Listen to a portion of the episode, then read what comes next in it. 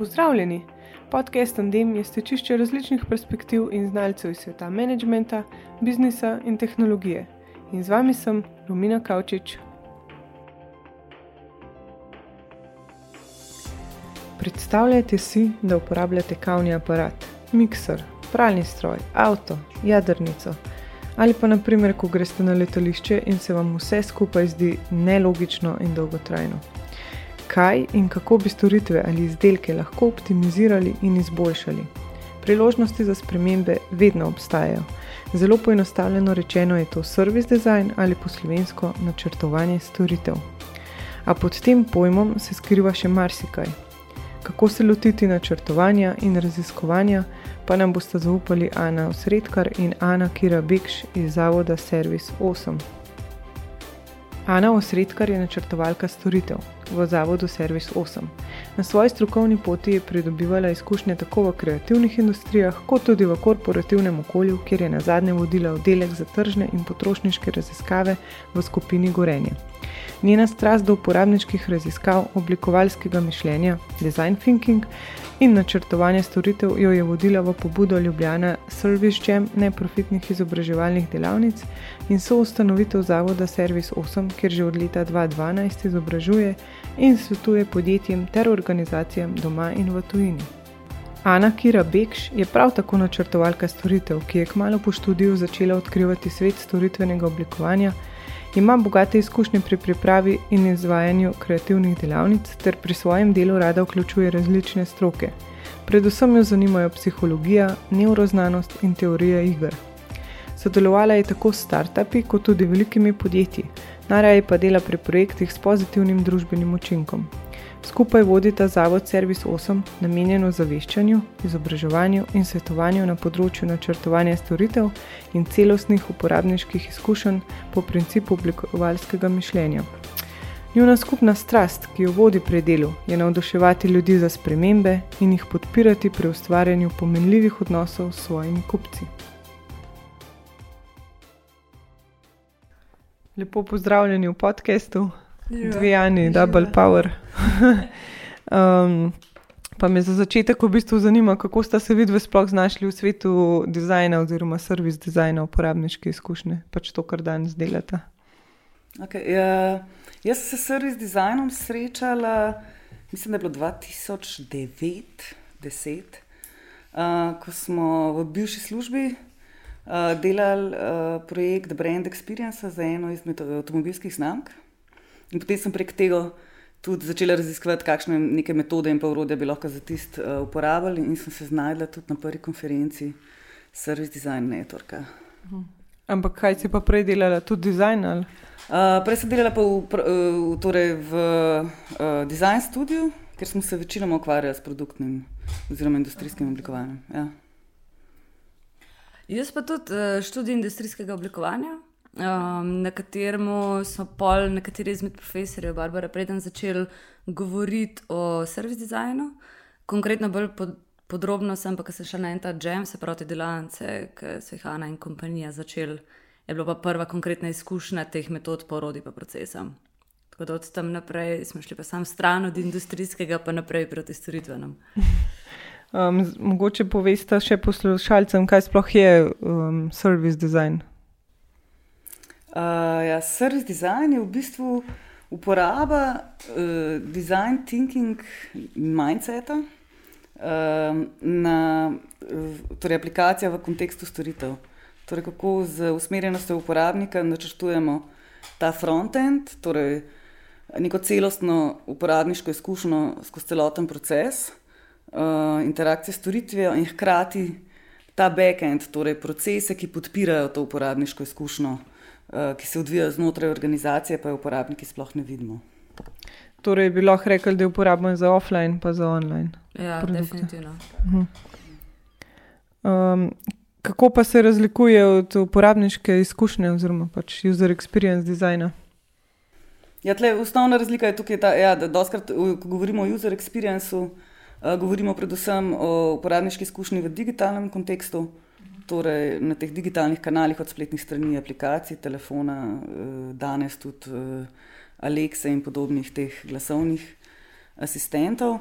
Medtem ko pa govorimo o service designu oziroma neki celostni izkušnji, govorimo pa širše, torej tudi v fizičnih nekih kontekstih in pa predvsem skozi čas, torej v več različnih uh, stičnih točkah uporabljamo mi.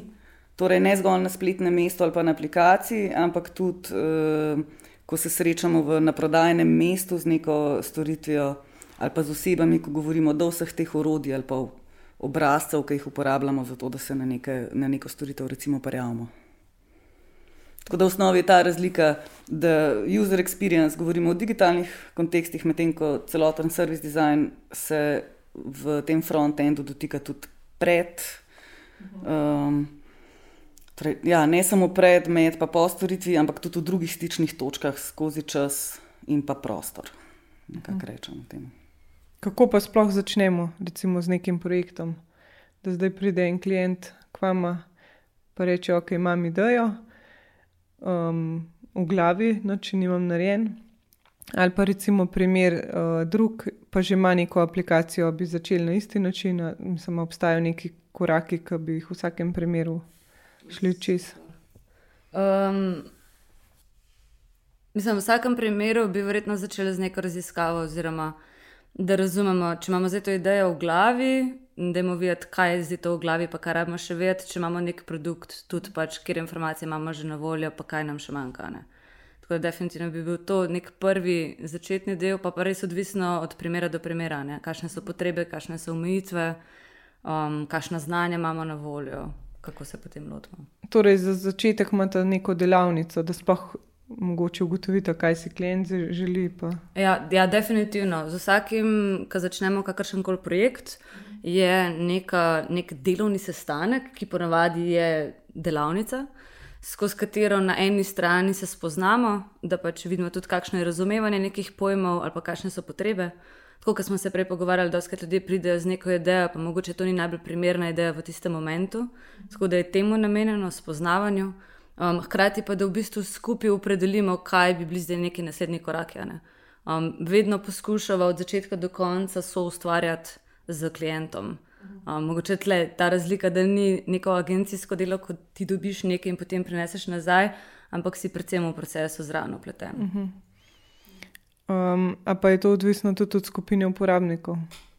Recimo, vem, če bi delali za otroke ali pa če bi delali za ostarile, ali bi se drugače lotili te raziskave. Ja, same raziskave, mogoče se to Okay, ta prva interakcija, ko govorimo o tem delovnem sestanku, ali počasi mi dve rečemo temu Discovery Workshop, da sploh vidimo, s čim se ukvarjamo, kakšen je zdaj razumevanje problema, pa kakšen je kontekst tega zidika naročnika. Pa je pa v vsakem tri, primeru treba pogledati, ja, kdo so njihovi uporabniki. Ne? Glede na uporabnike, načeloma iz nabora nekih metod, ki jih uporabljajo, zbirajo glede na kontekst, oziroma kaj je primerno v danem kontekstu. Torej, mogoče z otroci ne moreš neke uh, metode uporabljati, ki bi jih lahko na odraslih ljudeh. Vsekakor pa vedno praktično prilagodiva, glede na to, kaj se sploh raziskuje, se glede na predmet oziroma na cilj uh, enega researcha, uh mhm. -huh. prilagajamo tudi same metode, uh, ki jih uporabljamo. Ja.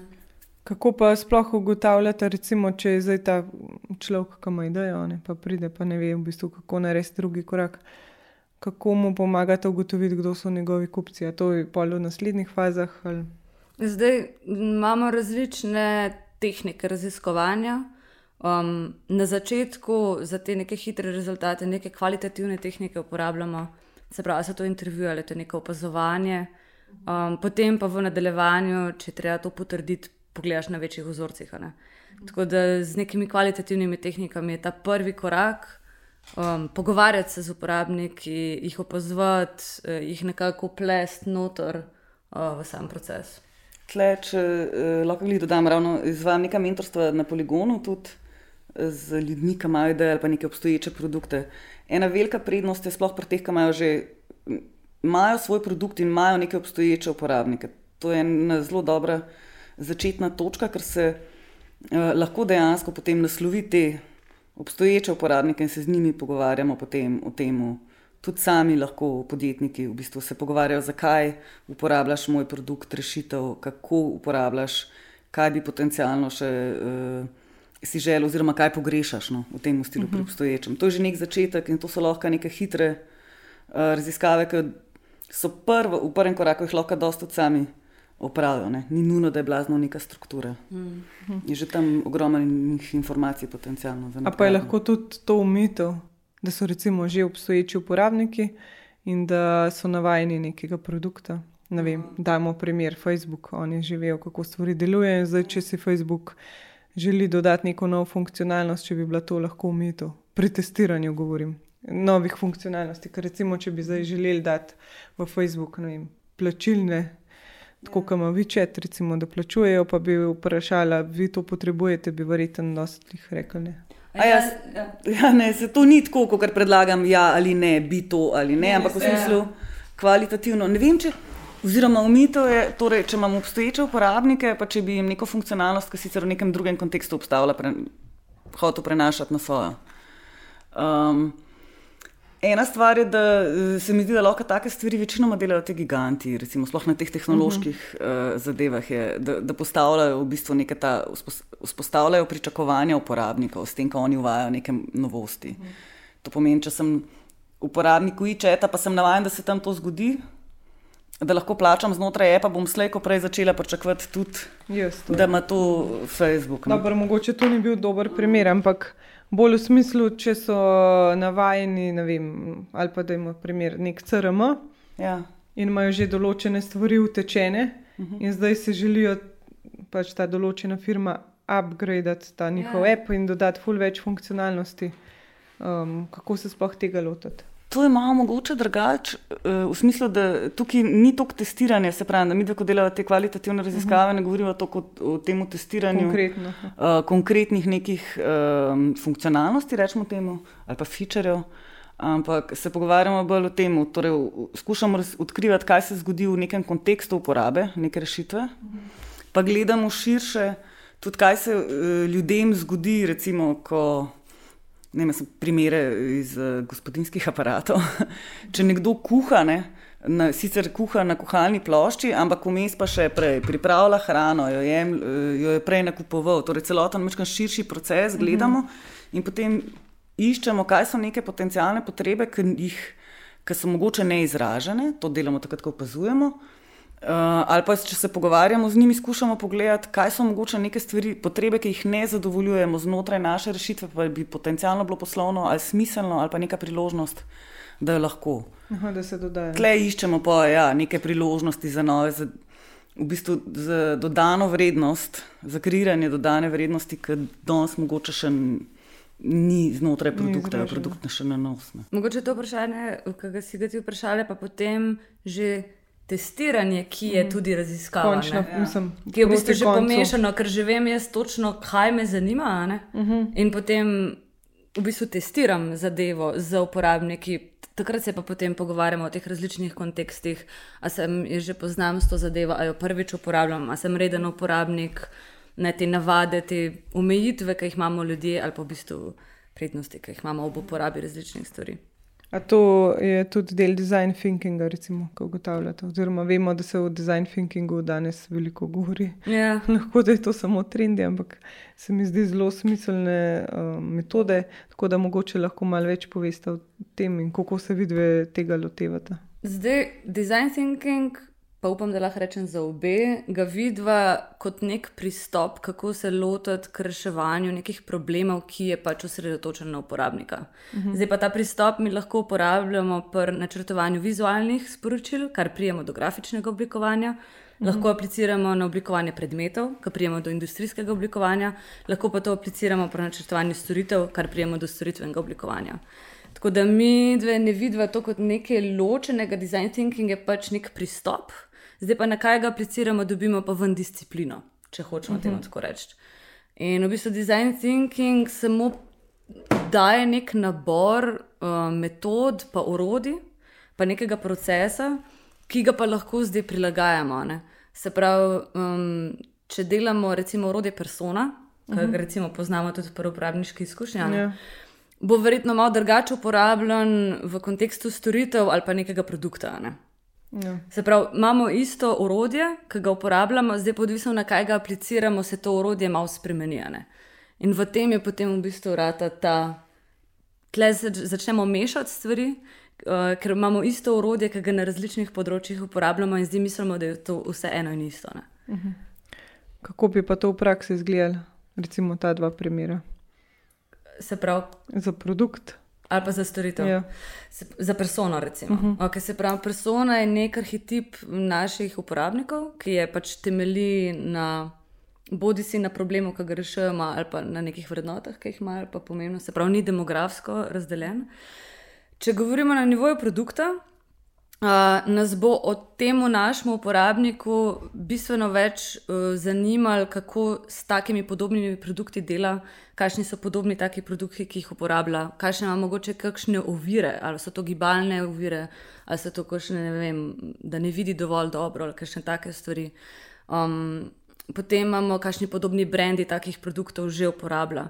Če gremo na nivo storitve, mogoče bolj razmišljamo, kakšna je ta celostna izkušnja ali pa kakšne so prioritete pri tej celostni izkušnji, kako pogosto se ta izkušnja ponavlja. Um, skratka, gledamo neke druge parametre, um, ki so pač za nas pomembni, da jih vemo o našem uporabniku. Ne? In to spet zmeraj odvisno od, oziroma, eh, je odvisno od posamezne organizacije. Torej, in pa kakšno, kakšno osnovni posel, torej kaj je core business samega, samega podjetja in pa kaj je tisto, kdo so ti njegovi uporabniki.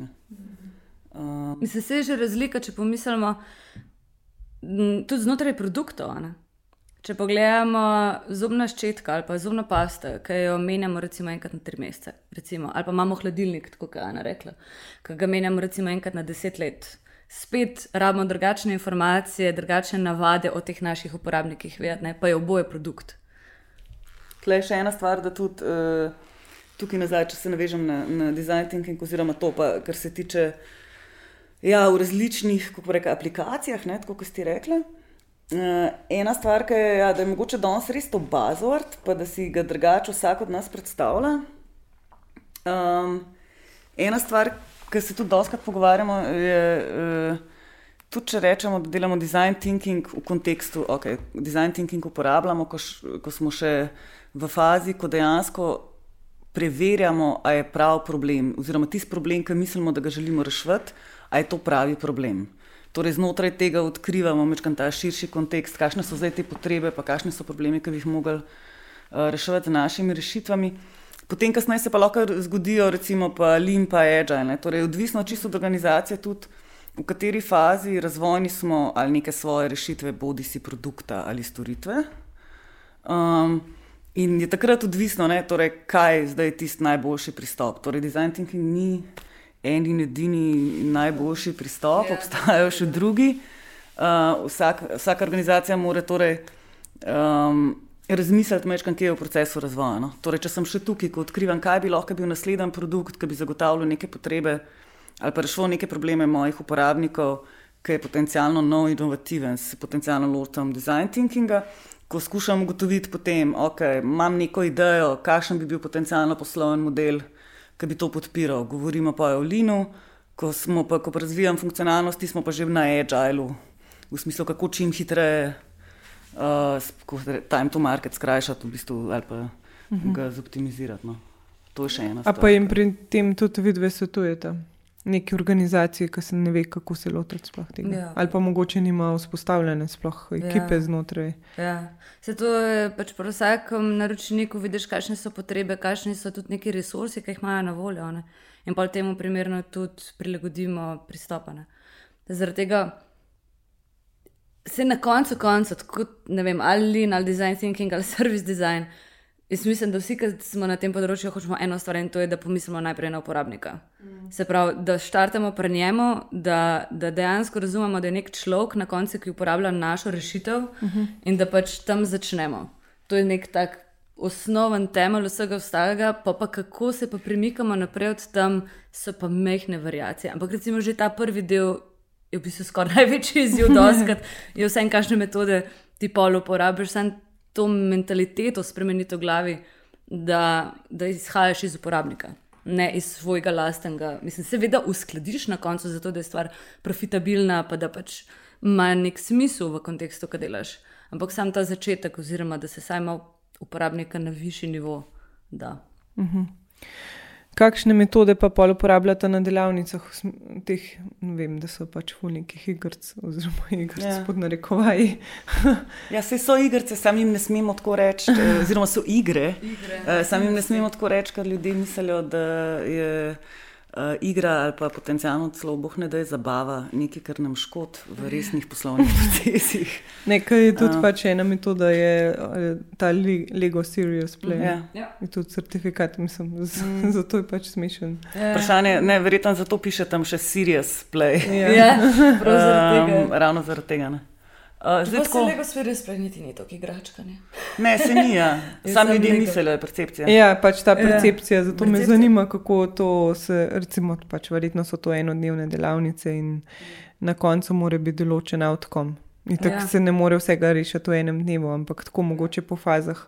Če bi zdaj mogoče dober primer, nov hladilnik delali, če, če samo uriše tam praktično. Zdaj, okay, na konkretno na produktu. Ena stvar, ki je, pa so se tudi prej pogovarjali, ne, kaj je največji problem tudi tega design thinkinga, je med drugim s tem, ko je buzzword to danes. In to ni problem samo pri nas v Sloveniji, ampak tudi marsikje.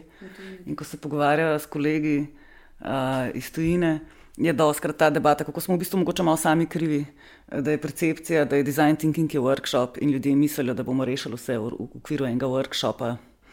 Uh, in cel naš biznis ali pa cel naš problem, ki ga imamo konkretno z enim produktom oziroma s tistim, kar delamo. Uh, torej, design thinking ni workshop.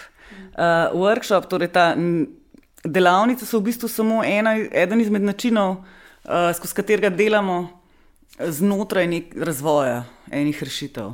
Zdaj, uh, to je pa namenjen predvsem zato, da v bistvu na teh delavnicah mi skupaj nekako vzpostavljamo poenoteno sliko o tem, kakšno je stanje, pa kaj moramo narediti, in to tudi zmeraj vizualiziramo. Torej, to niso sestanki, kot smo jih včasih v velikih organizacijah bili navajeni, ki si dve, tri ure, pa pa ima zapisnik tri ali ne, če imaš zapisnik.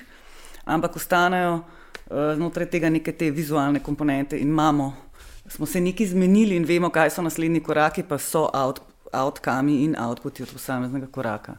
Na konkretnem projektu, recimo na teh produktih, kot so torej na samih izdelkih, uh, to deluje tako, da spet imaš nek kick-off, rečemo temu, kjer skupaj definiramo, torej, tako kot podobno, kot je prej Kira rekla. Ne? Definiramo zdaj, kaj so neka vprašanja, na katere si moramo odgovoriti v smislu, kakšne so tehnologije, ki jih moramo upoštevati, kakšne so biznis cilji, ki jih moramo upoštevati, pa kdo so naši uporabniki. Tukaj noter pogledamo, okay, kaj so neke informacije, ki jih imamo, kaj so informacije, ki jih rabimo pa potem, kakšni so neki poslovni cilji, kaj želimo doseči s tem. In to recimo naredimo v enem workshopu, pa se pa zgodijo stvari usporedno, ki so načrti raziskav, torej različnih, kako bomo zdaj te metodologije uskladili, pa se pa izvajajo raziskave, ki so potencialno tudi na način izvajane, da vključujemo tudi te deležnike znotraj podjetja. Torej, da gre tudi razvojnik zraven pogledati, uh -huh. kako nek uporabnik uporablja njegovo rešitev, v konkretnem primeru zdaj enega gospodinskega aparata. Pa spet pridemo, uh, ko reka, se zberete nekaj insight od teh raziskav, ki jih dobimo, uh, in se to oblikuje v neke smernice za razvoj.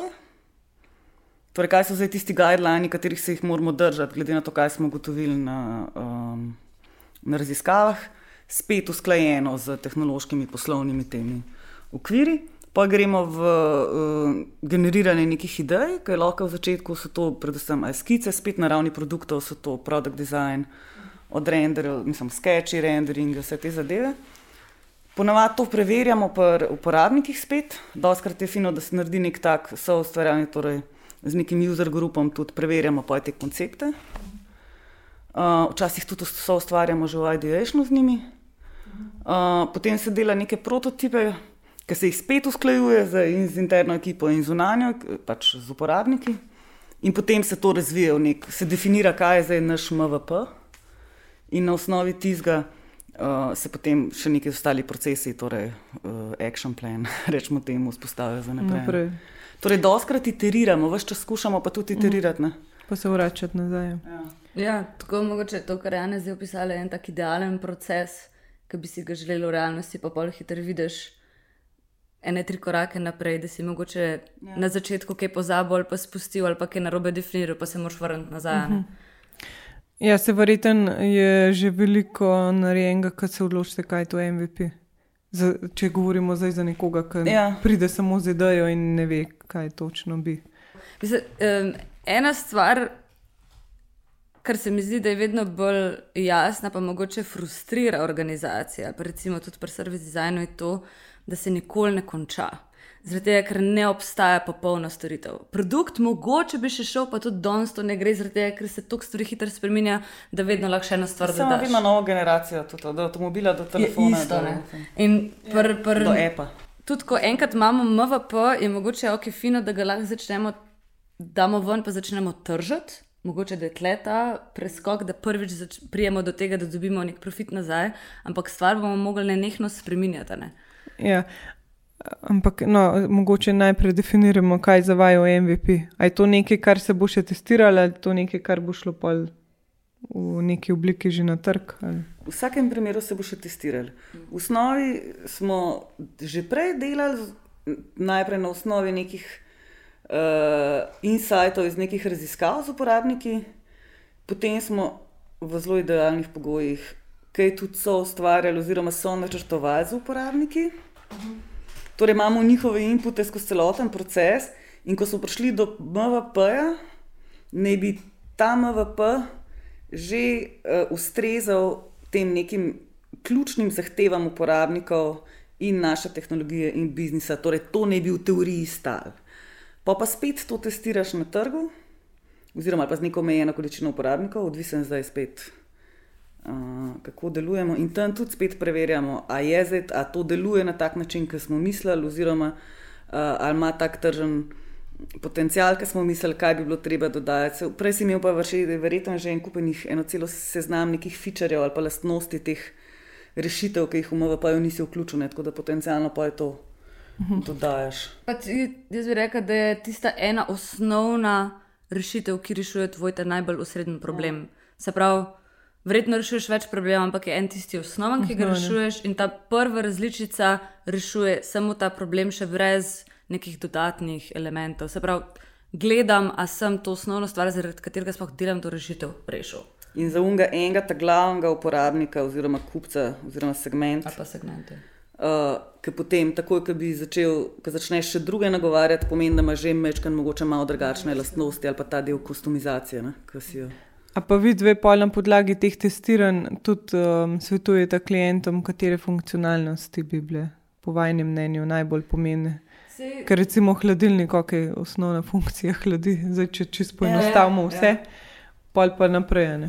Zanimivo je, kako se dosti vedno znova se vračamo nazaj na produkte, ki so fizični, pa ki si lažje predstavljamo. Po ja, storitvah je sploh to uh, malo bolj abstraktno. Zdaj, uh, načeloma so tudi spet um, zraven v proces vključeni, torej cela ta neka razvojna ekipa, ki ni nujno samo. Tehnologije ali pa strojniki, pač te razvojniki uh mhm. -huh. ali pa developerji, kot jih mi razumemo, ampak so tam tudi In unika so znotraj marketinga, salesa, uh, product ownerji, različni. Torej, so ljudje že v tem procesu vključeni. In mislim, da ni toliko stvar na sveta več, kot je, kaj so zaključki bili, do katerih smo prišli skupaj na osnovi. -huh. tega, kaj so uporabniki rekli. Torej, to pa niso več mnenja ali pa neko podajanje nekih strokovnih uh, mnen ali pa ja. video. Ampak je nekaj, kar smo ugotovili, ker so uporabniki to rekli. Seveda pa še zmeraj obstaja neka odločitev z vidika podjetja, kaj je kaj za nas strateško, pa v katerem biznisu smo. Ja, pomembno je. Kaj se bomo šli. Ja. Mislim, to... Mislim, se oni vidijo iz testiranja sami, hiter, kaj deluje, pa kaj ne. Ne rabimo mi ja. jim povedati tega. Ne? Sam je pa dosti kratko, naprimer, moja izkušnja, da pri teh digitalnih stvarih um, da se testira, ne vem, seveda tudi ta video logotip, video barvo in itd. itd. In doskrat se pol te, uh, ki jim predstaviš rezultate klientom, se zapičijo eno stvar, naprimer, oh, petim zelena barva ni bila všeč, da imamo zeleno stran, ampak to je zelo irrelevantno. Ne? Jaz se tleh treba zavedati, da so zaenkrat neki ta kvalitativni del, nekaj delamo na. Zdaj, okay, delaš usability sama, delaš tudi ta ne, eh, vsebino, pa to s temi barvami. Druga stvar je pa, da mm, Ja, petim ni bilo všeč, sam danes pa recimo dela Booking, pa te različne druge platforme delajo pa te AB testinge na nekih bistveno višjih vzorcih. Ne? Torej se ne pogovarjamo mm -hmm. več o kvalitativi, petim ni bilo všeč. Ja, ja. Ampak je zdaj so delali AB testing na ne vem kakšnem vzorcu in se pa je tam odločajo na čist nekih drugih zadevah. Čeprav sem brala enkrat en članek, da je to že overdesigning in da ko bede Booking full porab. Ja, on je za Uh, vsako Koliko teh ciklov imajo ja, za te in koliko funkcionalnosti oni testirajo rav, na ta princip, da je to fulenga uh, resource load. No. Zdaj sem še to dodala, da um, glih s tem, da je naročnik za svojo ekipo vključen skozi celoten proces, načeloma ne, ne bi prišlo do takih vprašanj. Zaradi tega, ker ti ne prideš do njega z nečem in mu predstaviš, ampak je on soupleten in soustvarja Vse tudi to skupaj. ja. testiranje in tudi to. In načeloma že skozi ta proces vidi relevantnost ali pa nerelevantnost nekih uh -huh. teh informacij, ki jih dobijo. Kako pa torej jim predstavljate z neko prezentacijo, mislim, na kakšen način predstavljate te rezultate? Ali se to v bistvu po fazah, ko, s- t- tako Ja. kot si zdaj rekla? Da... Ja, se pravi, ali so pač zraven, zdaj odvisno. Recimo v idealnem svetu je nekako, da imaš pač neko ožjo ekipo, s katero skupaj konstantno delaš, se pravi, vejo. Predstavite se mogoče dogaja potem v nekem širšem krogu ljudi, ali so to neki odločevalci naprej, ali so to drugi timi, ki bojo pač tudi prevzeli. Zdaj pri predstavitvi največ, uh, najbolj učinkovito je v bistvu pokazati, kaj uporabniki so rekli, naredili, videli. Se pravi, da ne, ti ne poveš, ampak pokažeš, ali, so, ali je to video, ali je to fotografija, ali so to citati, vizualizirati čim več. Um, včasih je tudi super, da ti ljudje, ki so bili v tvojem timu, se pravi na strani naročnika, sami delijo te informacije, se pravi, da ne pride od tebe, kot jaz vam bom zdaj povedal, ampak je oni sami sebe, v bistvu. Ne. Da začutim, mislim, ja, je še vse drugače, ampak definitivno pa vizualizacija, uporabnik, um, se pravi, kaj je uporabnik rekel, kaj je naredil, kako se je odzval.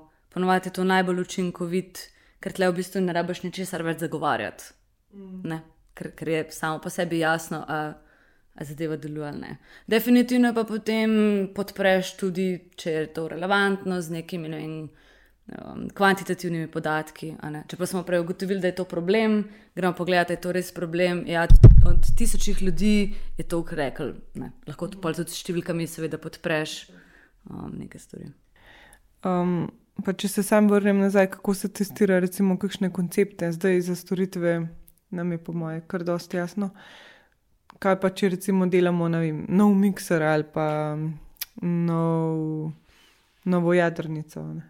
Ker so to stvari, ki jih ni tre, niso utepljive, oziroma je treba nekaj sredstev vložiti v to, da jih mogoče uporabnik lahko prime, kar spet privede do tega, da mora biti več resursov na voljo. Um, kako se lota pri teh stvarih prvega koraka? Jaz bi tle mogoče rekel, da nam je mogoče malo bolj jasno, kako pri produktu zgleda, tako in manj, ne vem, zdaj pri storitvi. Pri produktu, recimo, dosti hitro lahko rečemo, da neko fizično manifestacijo naredimo tega. Je pa vse odvisno od tega, kakšen je ta uh, nivo detajlov, v smislu, ali pa če rečemo fidelity. ne. Uh, ali nekaj iz kartona naredimo, uh, ali nekaj pač naredimo iz pravih materialov in zgleda tako, kot bi drugače izgledali, samo ne da se vklopiti, recimo pri mikserju konkretno. Um, tako da to je v bistvu. Se da fizično dosti hitro, odvisen spet od resursov, koliko je denarja, pa potem daš uh, uporabnikom lahko ali, ali kontroliranih okoljih ali pa v nekem kontekstu uporabe uh, uh -huh. to zastestirati. Uh, Medtem ko pri storitvah je pa doska tudi tako spet je odvisen od uh, nivoja um, tega fidelityja. Doskrat testiramo z nekimi, uh, recimo najmanj bi bilo, da pogledamo nek uh, customer journey, kako bi izgledal, ali pa service uh -huh. blueprint, v smislu schema cele storitve, torej kaj se še mora od zadnji za to zgoditi. Delamo walkthrough, v smislu kako uporabnik, torej simuliramo, kaj pomeni, da bi uporabnik po korakih se lahko zgoditi. To lahko delamo s vem, Lego kockami, z uh, različnimi zadevami, s, s tem origamijem. Um, potem pa seveda lahko zgradimo tudi uh, od kartonskih nekih uh, settingov, v smislu, da simuliramo uh, prihod nekoga na neko okence, kjer se mu ponuja nova storitev, ali pa k frizerju bi lahko nekaj tasga s kartonom, torej z neko igro vlog naredili. In še recimo v bolnicah, en dober video je tudi na internetu, kako se pa take stvari simulira, recimo kako bi izgledal nek uh, klinični proces oziroma ta klinična pot enega uh, pacijenta in pa na drugi strani torej tega, ki izvaja storitev, je to medicinska sestra, zdravnik, odvisen, kje se nahaja, kako bi to izgledalo. So eni zgradijo prav prostore, ki so prave velikosti, ena na ena, in se potem v bistvu vse Aha. te procese testirajo. Um, torej, v bistvu pri teh stvarih morajo v vsakem primeru sodelovati klienti. Recimo, če gremo zdaj primer bolnika, verjetno so to bolnišnice in je to večji, daljši ja. proces. Ja, definitivno. Se, uh, kot se reče na začetku, nismo agencija, ki pač prineseš neke vhodne podatke in potem greš in prineseš nazaj in je stvar narejena, ampak je to cel proces, kjer pač si ti aktivno vključen, ker gre tle v bistvu za transformacijo načina dela. Če ti hočeš se id service design. Recimo, ok, bomo rekli tako. Service design med drugim predpostavlja, da delajo interdisciplinarne ekipe, ki so ustvarjajo. To pomeni, da ti rabiš v svoji firmi vzeti po enega iz vsakega oddelka, jih dati skupaj v tim in oni morajo zdaj skupaj delati. In že to doskrat predstavlja en tak velik problem, še prej smo sploh prišli do metod ali pa urodja ali pa procesa. Ne? Zakaj je to, ker se ne morejo za nekoga odločiti? Ponavadi je problem, ker še nikoli prej niso skupaj delali, ker vsak department ima nek ta superiority kompleks, jaz sem najbolj pomemben, ker mogoče nima istega jezika. Doskrat vemo, da recimo imamo marketing, pa prodajo, pa recimo razvoj, pa ne vem, še nekoga. Vsak ima drug drugo terminologijo, ki jo uporablja, vsak tudi z drugačnimi očmi gleda na to stvar, ki jo delajo. Ne? Se pravi, tisti, ki prodaja, bo najbolj pomembno videl, kako bo on to prodal. Tisti, ki dela v razvoju, bo najbolj pomembno, kakšne funkcije ima zdaj ta zdeva. Se pravi, eno je pač čist jezik vzpostaviti. Ponovadi tudi procesi v organizacijah ne podpirajo takega interdisciplinarnega, ampak je po silosih in gre ponovadi zelo linearno. Se pravi, najprej ta oddelek podela, pa da paketek naprej, mhm. pa podela, pa da paketek naprej, in potem en let kasneje ne, se nekaj zgodi. Se nekaj zgodi. In, in v bistvu service design kot tak podira načine dela. Uh mhm. -huh. Zaradi tega je tako kompleksen, tako, če gremo zdaj full scale, ne, v idealnem svetu. Um, ja, sej, v bistvu so že te iteracije, če gledamo čisto na eni osnovni vem, spletni strani ali pa mobilni aplikaciji, so marsikomu iteracije. Ja. Tako, oh, Večkrat se bomo vrnili nazaj. Kaj se pa začne, no, vse to, to pa se recimo, pa, če se ne vezujemo pa na recimo, produkt, ki so ga mi dve zastavljali, oziroma razvili, ki so te delavnice oblikovalskih metod in orodij, so pa rekli, ok, nismo še tam, težko je celo organizacijo kar tako le magično spreobrniti. So pa lahko zelo ene mehne stvari, ki pa lahko začnemo delati. In recimo ena stvar je, da imamo se več o uporabniku pogovarjati. Že samo, da imamo neke organizacije, da se vzpostavi ta dialog, da se sprejema odločitve, ko imamo sestanke, ki načrtujem neko stvar, ali pa jo prodajam, ali pa jo tržam, ali pa kakorkoli že, da imamo uporabnika v mislih. In tle imamo, recimo, rečemo, bomo vzeli persono, ne, ki je pač neko zelo konkretno urodje, ki ga lahko usvoji kdorkoli v organizaciji. In ko enkrat znamo uporabljati to in vzpostavimo ta dialog, gremo že en korak naprej k temu, da bomo pa enkrat lahko pač celostno načrtovali storitve in uporabljali design thinking in service design. In so zadnjič videli tam v Budimpešti. Uh, uh, so slišali nekaj primerov, kako ima v bistvu zdaj že ogromno enih podjetij.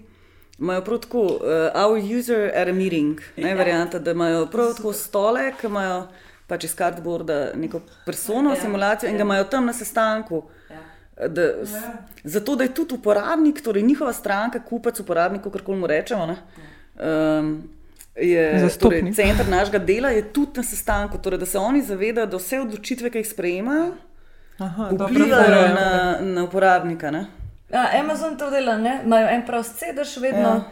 Eni potem, kaj že v Dubaju, eni imajo, imajo vsi pripomke, gor, ki je pač uporabnik, se pravi, vsi zaposleni imajo pač uporabnika na prsih, srcu, pri srcu. pri srcu, mislim, Aha. na full različne Kaj, načine. sliko, mislim, pač to. Ja, neko je pač.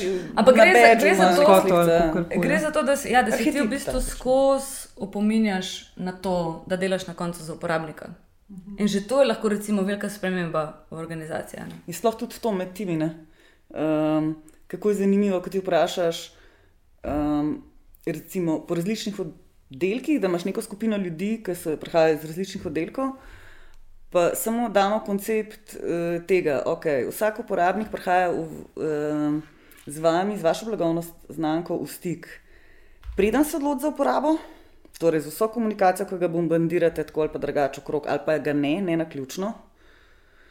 Medtem, ko uporablja, torej, ko se je že odločil, pa uporablja, in pa po tem, ko je nehal uporabljati vašo storitev, torej z vsemi temi polprodajnimi ali pa podportom, ali pa okay, mogoče. Mm, Torej, Ali pa deli informacije deli naprej. ne. informacije naprej, ali pa pač na ta način, torej v tem delu. Ko vprašaš ti ljudi, ki prihajajo iz teh različnih oddelkov, noter, kje mislite, pozicionirajte se na tej črti, kje mislite, da vi vplivate na uporabniško izkušnjo. Je prav, sem bila na Malti doživela to, da so prav tako so. Vsi so me pogledali in ko so urisali noto, so rekli, da sem res. Tudi jaz, ki sem developer od zadaj. Mislim, da so se najdeli vsi na eni premici po skupinah in to zavedanje, da v bistvu vsi, karkoli počnemo, vplivamo na izkušnjo našega kupca, stranke, uporabnika in da to, kar delamo, ne, tudi nekako pomeni, zakaj sem tlene, to je malo, zakaj sem tukaj. Tudi znotraj organizacije. Nisem zato, da rešim neko funkcionalnost, pa da naredim mm. svoj task, kakršen koli že, ampak zato, da bo uporabnik dobil tisto, kar skupaj želimo doseči. Ja, kot tim. Mm. Mislim, se v bistvu največkrat se pojavlja problem, da že kot tim ne delujejo, mislim, ali pa kot organizacija. Mm. Um, prej si omenila še ta servis uh, Blueprint, pa me zanima, kaj je to. A ja, no, to, eh, to je ravno eh, to pač spet eno orodje, eh, s pomočjo katerega eh, hkrati ta front-end del, torej customer journey, zemljevid uporabniške poti torej, in kakšna je ta izkušnja uporabnika, celostna skozi celoten čas in prostor. Porišemo hkrati pa spoden del, torej ta nevidni del uporabniku, kjer so pa vse te aktivnosti, ki jih mi izvajamo, torej, in pa procesi, ki podpirajo vse te korake in aktivnosti uporabnika od spredi. Tle je zanimivo, da ravno zdaj delam z enim podjetjem uh, tone in kako se hitro začnemo kot organizacija ukvarjati vse, kaj so ti naši odzadi. Problemi, pa kako bi mogli mi naše korake optimizirati, kar je osnovna pač ta menedžerska paradigma. Um, Pa pa, ko pogledamo gor, je pa koliko je teh korakov, katerih smo dejansko, ki dejansko podpirajo aktivnosti uporabnika. Ne, in kako, kako se treba na te sfokusirati, so, ne? ne pa da se ukvarjamo tam sami s sabo, kar se doskrat tudi zgodi, ne? Da se v bistvu z nekimi internimi stvarmi, torej čemu da tudi prioriteto. No? Je pa in je definitivno to kompleksen proces, um, kjer se ogromno njih tudi uh, pogovorov zgodi. Um, Ker mislim, da se drugače mogoče ne bi na ta način. A pa se to dela na začetku ali na koncu? Uh, na koncu česa? A ja, to delamo na koncu. Porišemo, recimo, mislim, porišemo, pomapiramo. blueprint. Ja. Sprot- aha, Ne, ti, sprot. na začetku mi smo tle smo delali raziskavo, prej pa smo pogledali, okay, kaj so naši največji izzivi, kar se tiče organizacije, pa kako bi se te, tega česa lotili. Pa smo pa začeli v bistvu to sam mapirati obstoječ proces. Pa smo pa rekli, okay, kakšen bi mogel, uh, torej in za userja, in za kakšna organizacija, pa smo pa rekli, okay, kakšen bi mogel biti pa idealen proces. Um, Za oba. Spet smo malo prilagodili, glede na organizacijo. Ne? Pa bomo potem videli, da ni, noben proces ni idealen, ampak smo se v bistvu na ta način lotili zdaj, da demo reči, kaj bi potencialno bil idealen. Pa bomo pa skozi scenarije šli skozi, skozi različne scenarije, ki jih imajo različni uh, klienti. Pa bomo rekli, da okay, mogoče teh korakov ne rabimo tukaj za, za te uporabnike. Uh, za druge uporabnike teh mogoče korakov ne rabimo, torej odvisno od narave projekta, in bomo začeli pojen nazaj, ko rečem, Mhm, optimizirati to. No. Sam recimo, aha, si ko- Ne, hodila se, kaj dodati? hočem, se to, kar je Jana rekla, že v bistvu lahko uporabljaš za mapiranje obstoječe situacije ali pa za vizualizacijo oziroma za mišljenje neke nove situacije. In to je pač z vsemi urodji. Isto s persono, kdo bi bil potencialno moj uporabnik ali pa kdo je moj uporabnik. Isto je customer journey, kakšna je obstoječa pot ali pa kakšna bi lahko bila pot. Tako da je prej ali pa pol, lahko uporabnik. Ja, ampak recimo pri teh, um, recimo ugotovite, da ful nekih procesov je čisto brez vize na Mm. poti, pa jih odstranite, pa se pol dejansko dosti sprememb zgodi znotraj organizacije, pol tudi sodelujete pri tem, oziroma testirate, ne vem, čez pol leta, kako so se te spremembe obnesle, pa če je to res delovalo pravilno. Oziroma, če se Idealno je je. to- Se zato tudi Ja. uh, ni lih tako, ne, da ne jemljemo, mislim, tle od zadaj, kar tako ne vzameš ven uh, Ja, korakov v procesu, recimo, ali pa jih zbrišeš, ampak rečeš, ok, kaj je zdaj najbolj kompleksna situacija. Pa pa poglejmo, zavedajmo pa se, da ne bo treba zdaj 300 korakov za vsako stvar narediti, mogoče jih bo tle treba samo 50, za tazga, mislim, v takem scenariju 50, v takem scenariju 70. Če bi bilo pa vse to za narediti, bi mogel biti pa recimo tak proces.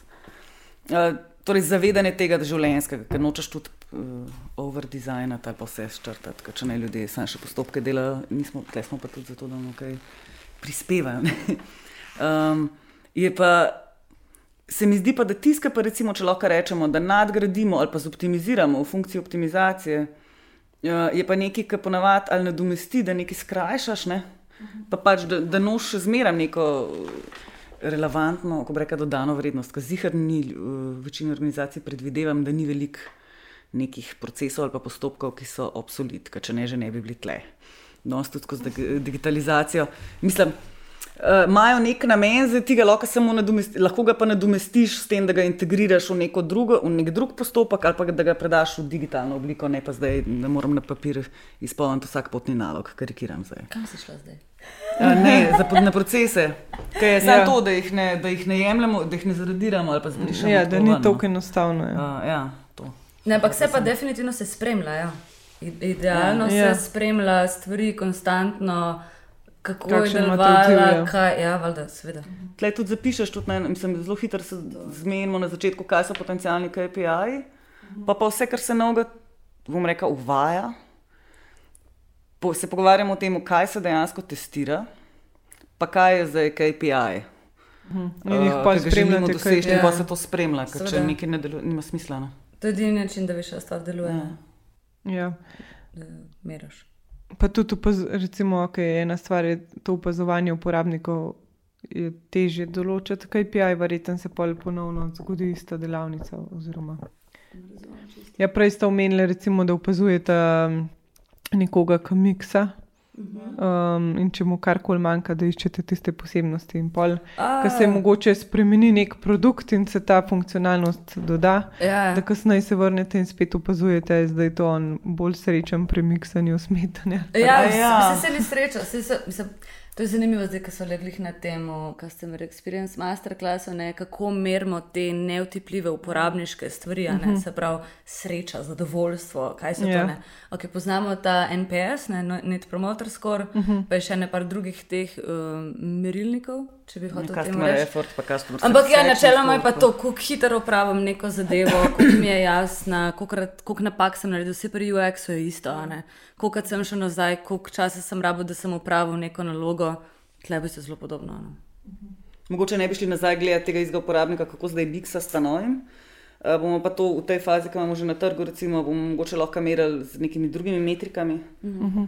Uh, bomo pa takoj, ko bomo čez eno leto, pa pol spet nov mikser razvijali, šli Pogledali. pogledati, ne, ja. kako s temi, uh, pač bomo, ve- kako s tem produktom pač uh, ravnajo, pa iskali neke nove priložnosti. Ne. To je odvisno tudi spet. Uh, raziskujemo v različnih fazah procesa razvoja, pa preverjamo, pa testiramo, delamo ta research večkrat. Ne. In tudi sprot, tako kot je. Uh, Se to nadgrajuje, no? torej merimo različne stvari, pa nazaj se skozi navezujemo, torej rešujemo. Torej, bi verjetno že prej preverila, kaj boljš uh, un uporabnik, tisti mikser uporablja. Takrat, ko smo prvi prototip naredili, pa smo mu ga nesli pokazati, recimo, bi že prej uh, to preverila, še preden ga damo na trg. Tle je mogoče ta res specifič, mislim, specifičnost vseh teh sodobnih metod, ne samo design thinkinga, je to, da na mestu, da porabim en mesec ali pa dva ali pa tri za načrtovanje nečesa, pa da grem pol to sprobati ali pa izvesti, se to skrajša in se čim večkrat ponavlja. In je v bistvu cilj, da čim večkrat ponovim neko zadevo, ker se za vsako ponovitvijo nekaj novega naučim in se spol vsakeč sproti prilagajam.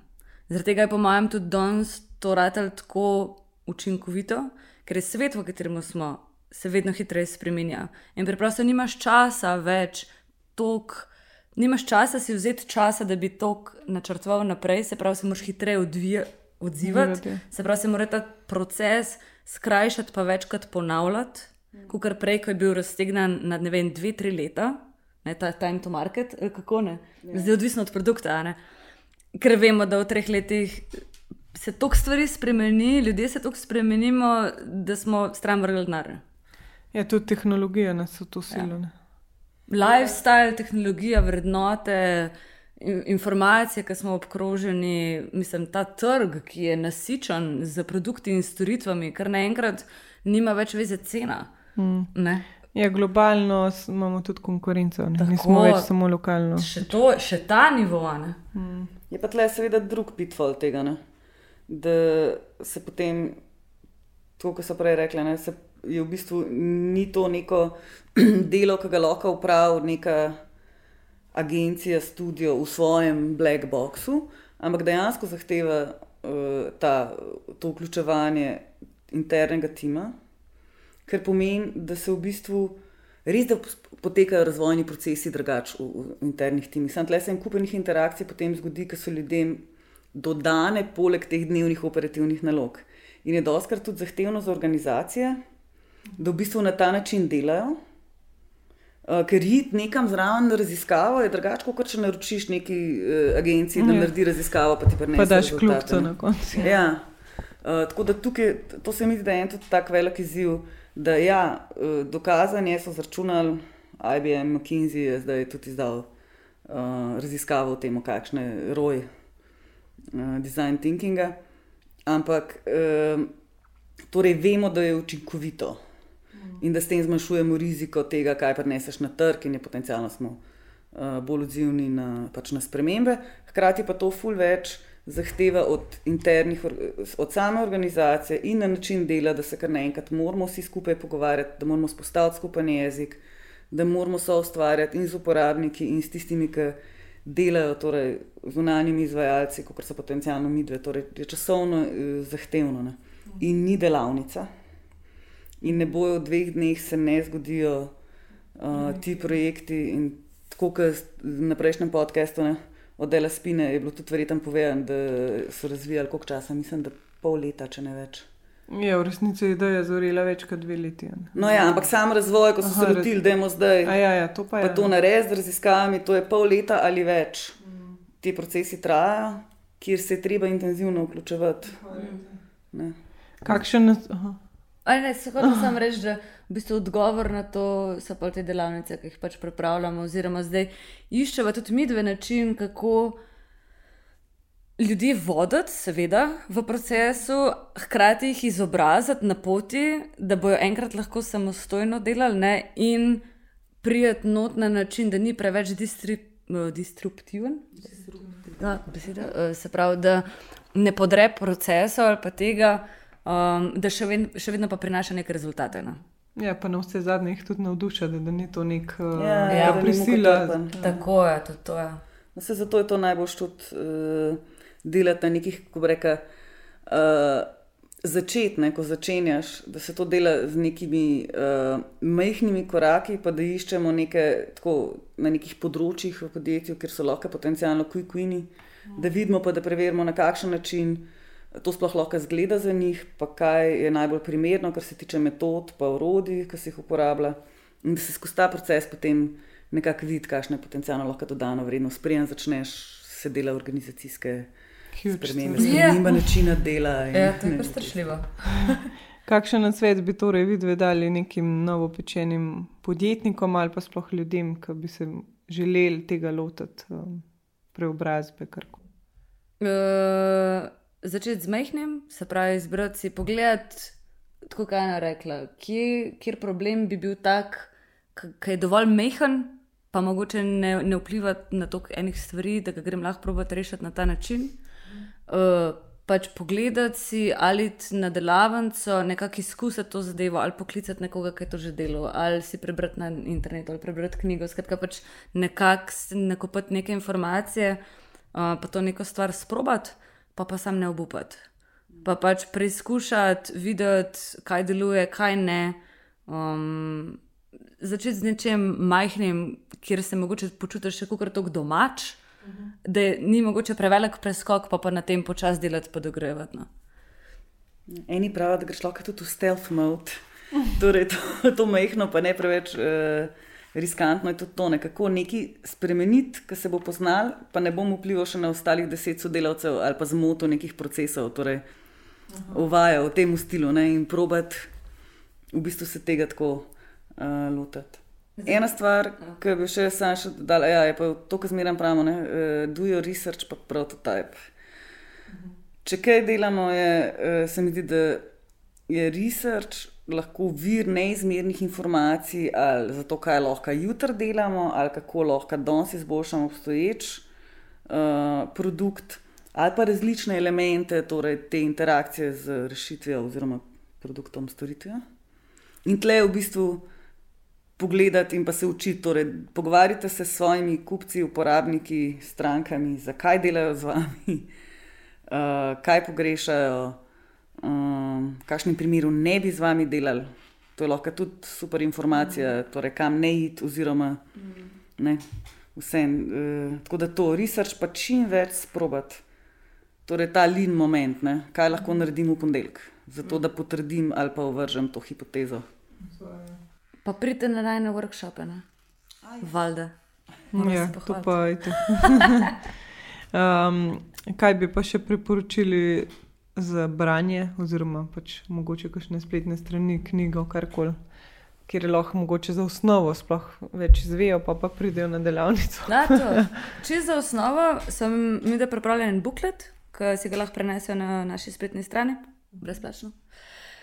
Pol pa, ker to ni dovolj, Ogromno tega. Mislim, torej, teh, okay, teh informacij je veliko. Eno, ki jo mi te poznava, pri kateri so tudi so ustvarjali, pa kar res temelji na praksi, pa je zelo usmerjeno v, v akcijo, je knjiga This is Service Design Doing, ki je v bistvu drugi del od This is uh, Design Thinking. Tam not, lahko si pogledate tudi na spletni strani, imajo metode pa urodja, ki si jih lahko prenesete brezplačno.